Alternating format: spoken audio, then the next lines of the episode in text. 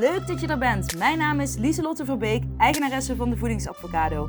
Ik help mensen gezond te leven door hun fabulous feelings als waardekompas te gebruiken en zo ook het leven te gaan leiden wat bij jou past. Dit doe ik middels acceptance en commitment therapie, universele wetten, zelfliefde en ik werk hier op de podcast vooral vanuit Inspired Action. Ik wil je inspireren en helpen wel die veranderingen te maken in je leven. Ben je er klaar voor? Woehoe! Let's go! Yoho, yoho, ben ik weer. Leuk dat jij er ook bent. Leuk.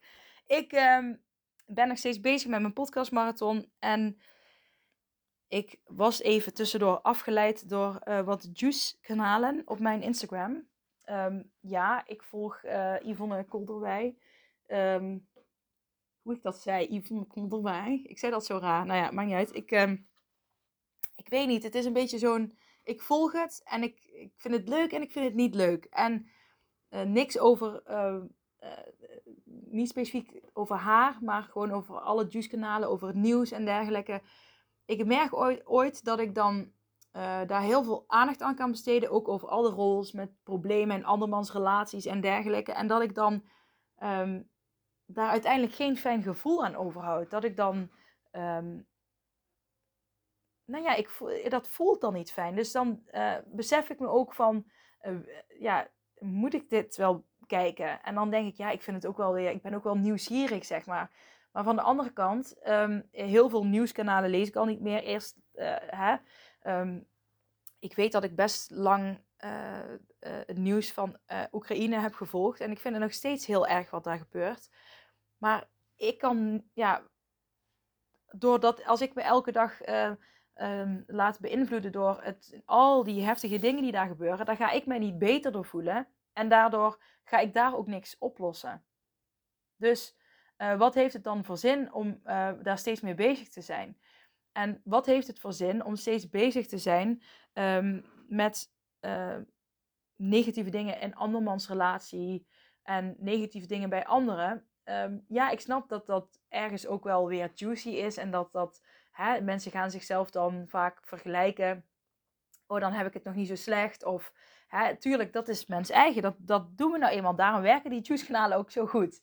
Um, maar je kunt er wel voor kiezen. Ik besefte me net dat ik daar aan het kijken was. En dan blijf ik maar kijken. En dan tot ik me besefte van... Hé, hey, um, ik merkte dat de energie die ik uh, had om de podcast... Ik zat in de vorige podcastaflevering... Uh, die ik opnam, zat ik heel lekker hoog in de energie. En die heb ik nu... Ik hier aan begin uh, komt die energie weer terug. Maar ik merkte toen ik dat Juice kanaal ging kijken, ging mijn energie werd langzaam weggezogen. En dat vond ik interessant. Um, en je ziet het ook heel vaak mensen die maar gewoon scrollen, scrollen. Uh, je moet eens kijken bij jezelf hoeveel invloed dat heeft op jouw energielevel. Want bij mij zoog het net heel veel weg. Ondanks ik dan wel nieuwsgierig ben, maar van de andere kant denk ja, uh, daar wil ik me helemaal niet mee bezighouden. Maar ja, er zijn al uh, heel veel dingen die ik niet meer volg. En ja, ik weet niet, ik hoef, het, is zoals het is. Lieselot, het is zoals het is, punt. Je hoeft uh, box, box, box. Je hoeft geen verantwoording verder af te leggen. Maar het is meer in, in, ja, naar jou een, een, een boodschap om eens te kijken bij jezelf. Van, doe ik ook scrollen? Kijk ik naar bepaalde tv-programma's waar mijn energie echt van leeggezogen wordt? Ik heb bijvoorbeeld bij uh, dramafilms, als ik um, vroeger kon ik heel goed dramafilms kijken en dan kon ik lekker meejanken. En dat vond ik heerlijk, totdat ik dus heel veel drama in mijn eigen leven kreeg. Heb het overlijden van mijn vader, mijn stiefvader, wat ik de vorige aflevering ook heb verteld. En met mijn lichaam, uh, wat uh, niet meer functioneerde in de zin van dat ik niet meer kon lopen en mijn bekken en noem maar op. En toen wilde ik alleen nog maar comedies kijken. Want toen dacht ik, oh, ik heb al zoveel drama. Ik, ik, ik wil niet nog een keer huilen om iets verdrietigs wat niet eens echt is. Um, ik wil, uh, en soms is het lekker hè, dat je mee kan huilen, want dan huil je je verdriet wat vastzit ooit er ook lekker bij uit. Um, maar ik kijk sindsdien eigenlijk geen drama meer. Ik, ik moet zeggen, ik ben de laatste tijd wel veel actiefilms aan het kijken. Omdat, maar dat is ook omdat mijn man dat leuk vindt. Ik hou niet van alleen maar non-stop actie, maar wel... Ja, ik kijk wel, wel echt actiefilms, um, maar wel met een, beetje comedie erin verwerkt. En dat, uh, ja, dat, dat, dat vind ik dan wel leuk. Maar echt uh, drama, nee, dat, dat kan ik gewoon niet meer zien. En vroeger keek ik ook altijd horror. Maar ook dan, uh, heel veel angst, ja, heb ik ook al genoeg. Dus uh, hoef ik ook niet te zien. Weet je wel, thrillers uh, kan nog wel. Je hebt, natuurlijk psychologische thrillers en dergelijke, vind ik wel leuk. Maar um, ja, echt thrillers met van die horror dingen erin, nee, nee, nee, dat hoeft voor mij niet meer. Want ik heb al genoeg angst in mijn leven. dus dat wil ik niet daarmee aanwakkeren. Maar dat zijn wel bewuste keuzes die ik maak. Dus dat is ook wel leuk om bij jezelf te kijken. Hoe zit dat bij mij? Vandaag heb ik wellicht een wat kortere podcastaflevering. Maar um, zoals ik, uh, nou ja, ik hoef niet te heten, zoals ik een paar podcastafleveringen terug al zei. Ik laat de duurte, de lengte van de podcast nu even los. Uh, want daar zit heel veel belemmerende, of heel veel, daar zit een belemmerende overtuiging van ik kan niet een podcast uh, zoveel, ik kan niet zoveel podcasts achter elkaar opnemen, want het moet zoveel tijd moet ik eraan besteden. Nou ja, ik laat dat nu ook even los, want ik heb een onderwerp wat ik wil bespreken. En het gaat over kleine stapjes zetten. En wellicht denk je, Liesot, daar heb je al vaker iets mee gedaan. Ja, dat klopt, want ik geloof in de kracht van kleine stapjes. Maar um, dit is eigenlijk een soort van oefening uh, waar ik jullie mee wil nemen. En um, ja, doe gewoon lekker mee. Uh, en hierin zeg ik ook niet alleen mentaal meedoen, maar ga ook op papier meedoen. Of je hem nu op pauze zet tussendoor, of je luistert hem later terug, of je schrijft de vragen even op, zodat je het later kunt uh, gaan invullen. Dat kan allemaal, maar ik adviseer je om het ook te gaan doen. Um, dan ga je even kijken, gewoon laten we je gezonde levensstijl nemen. Je mag ook een ander onderwerp nemen, maar gewoon je gezonde levensstijl in de breedste zin van het woord. En teken dan eens een lijn, uh, een horizontale lijn. En dan schrijf je links een 0 en rechts helemaal een 10. En uh, je kunt denkbeeldig nu ook even over die lijn gaan. Als je nu kijkt naar je gezonde levensstijl, waar sta je nu? Een 0 is dat je uh, super slechte gezonde levensstijl hebt. Uh, dus dat je ook niet het leefstijl leeft zoals je die zou willen. Hè? Leef jij de gezonde leefstijl die jij zou willen, die bij jou past? Hè? En misschien weet je nog niet uh, hoe je gezonde leefstijl eruit ziet. Dan uh, moet je even naar stapje 0. En dat is, wat is voor mij een gezonde levensstijl? Misschien moet je dat eerst eens gaan omschrijven. Hoe ziet een gezonde levensstijl voor mij eruit? Dat je dat eerst omschrijft en dan kun je naar stap 1, en dat is deze dus, waar sta ik op die lijn?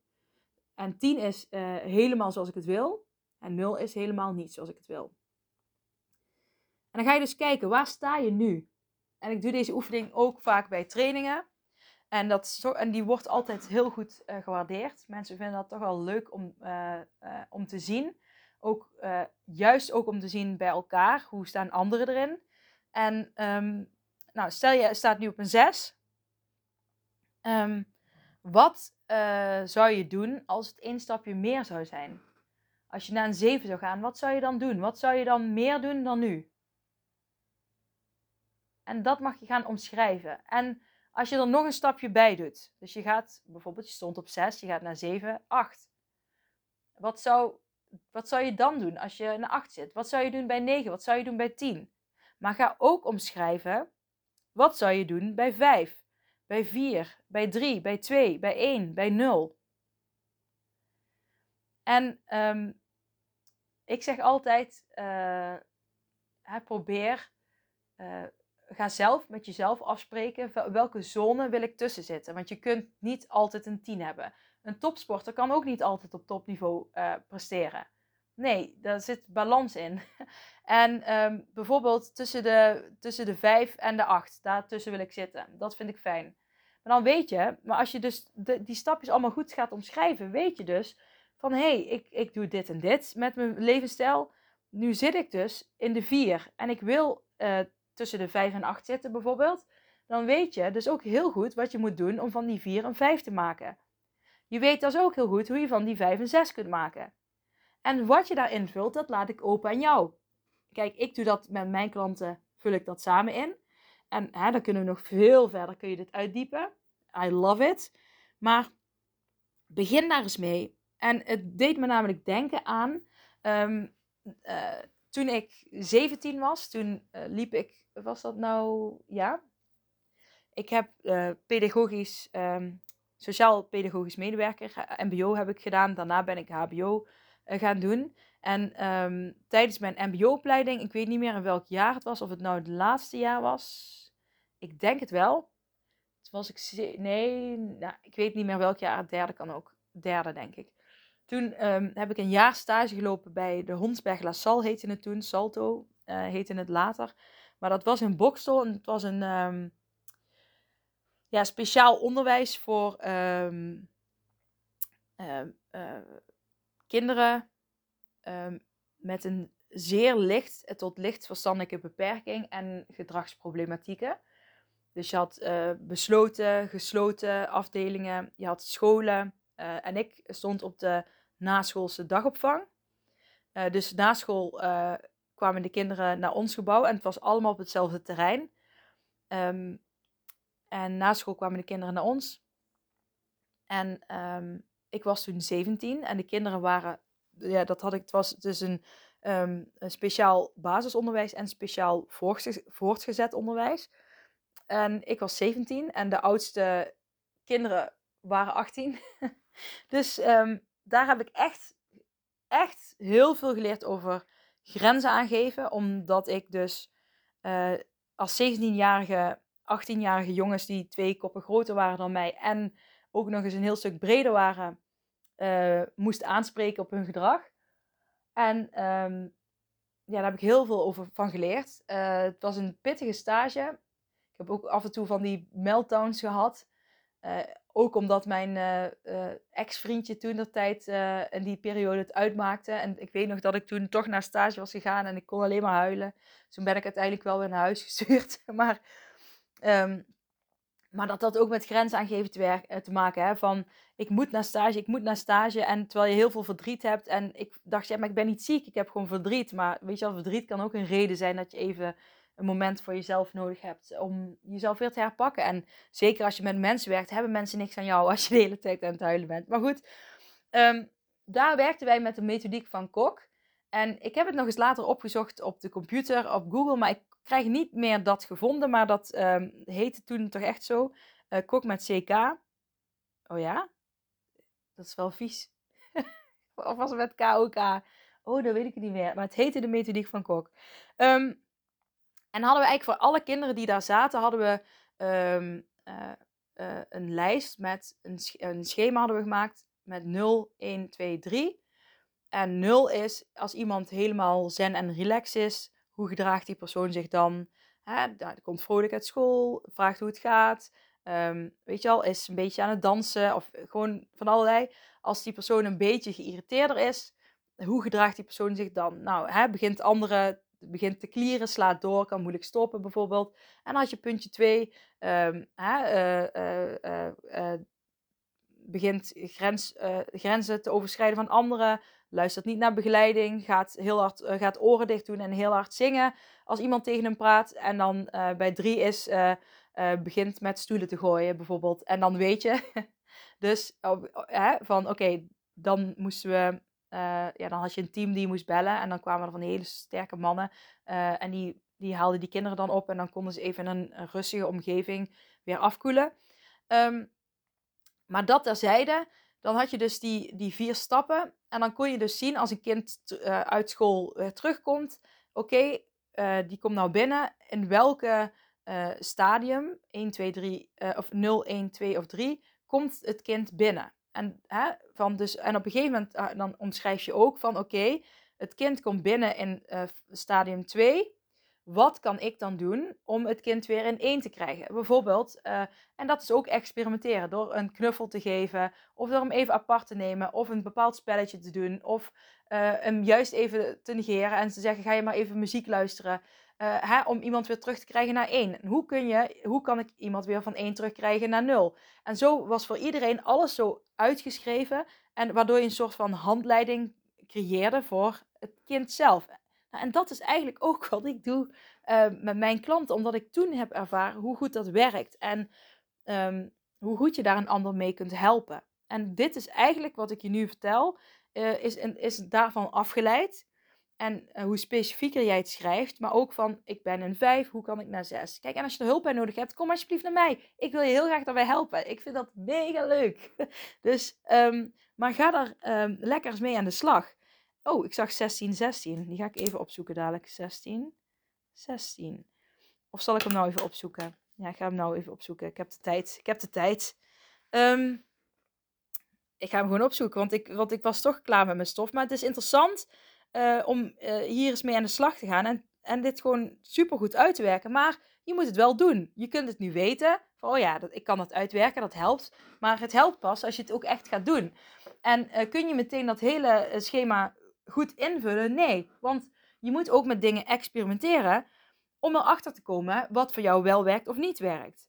bijvoorbeeld als ik heel boos ben, Kijk, en nu ging het echt over boze gedrag, hè, want het waren ook moeilijk opvoedbare kinderen. Um, en die hadden nou eenmaal vaker dat ze ja, sneller boos waren en werden. En daar wilden ze ook graag bij helpen om, hè, om die triggers uh, voor te zijn. Maar um, als ik heel boos ben, kan ik mensen wegduwen terwijl ik eigenlijk een knuffel wil. En uh, ik, ik weet dat ik dat wil. Dus ik zeg ook altijd, als ik heel uh, boos ben, dan moet ik eigenlijk een knuffel hebben.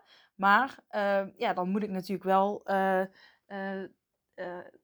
dan moet ik niet degene zijn die dat zegt, zeg maar. Dat moet de andere dan weten, maar dat heb ik ook verteld zo tegen de anderen, omdat ik daar zelf achter ben gekomen bij het invullen van mijn eigen lijst. Oké, inmiddels heb ik 16, 16. Um, uh, 16 is samengesteld uit 1 en 6, wat betekent dat het is afgeleid van de betekenis van het combineren van de vibrationele essentie van elk van deze nummers. En in nummer 1616 verschijnt de 1 en 6 tweemaal en dat is een verdubbeling en versterking van hun invloeden. Wanneer een nummer wordt herhaald, wordt de trilling exponentieel versterkt. Uh,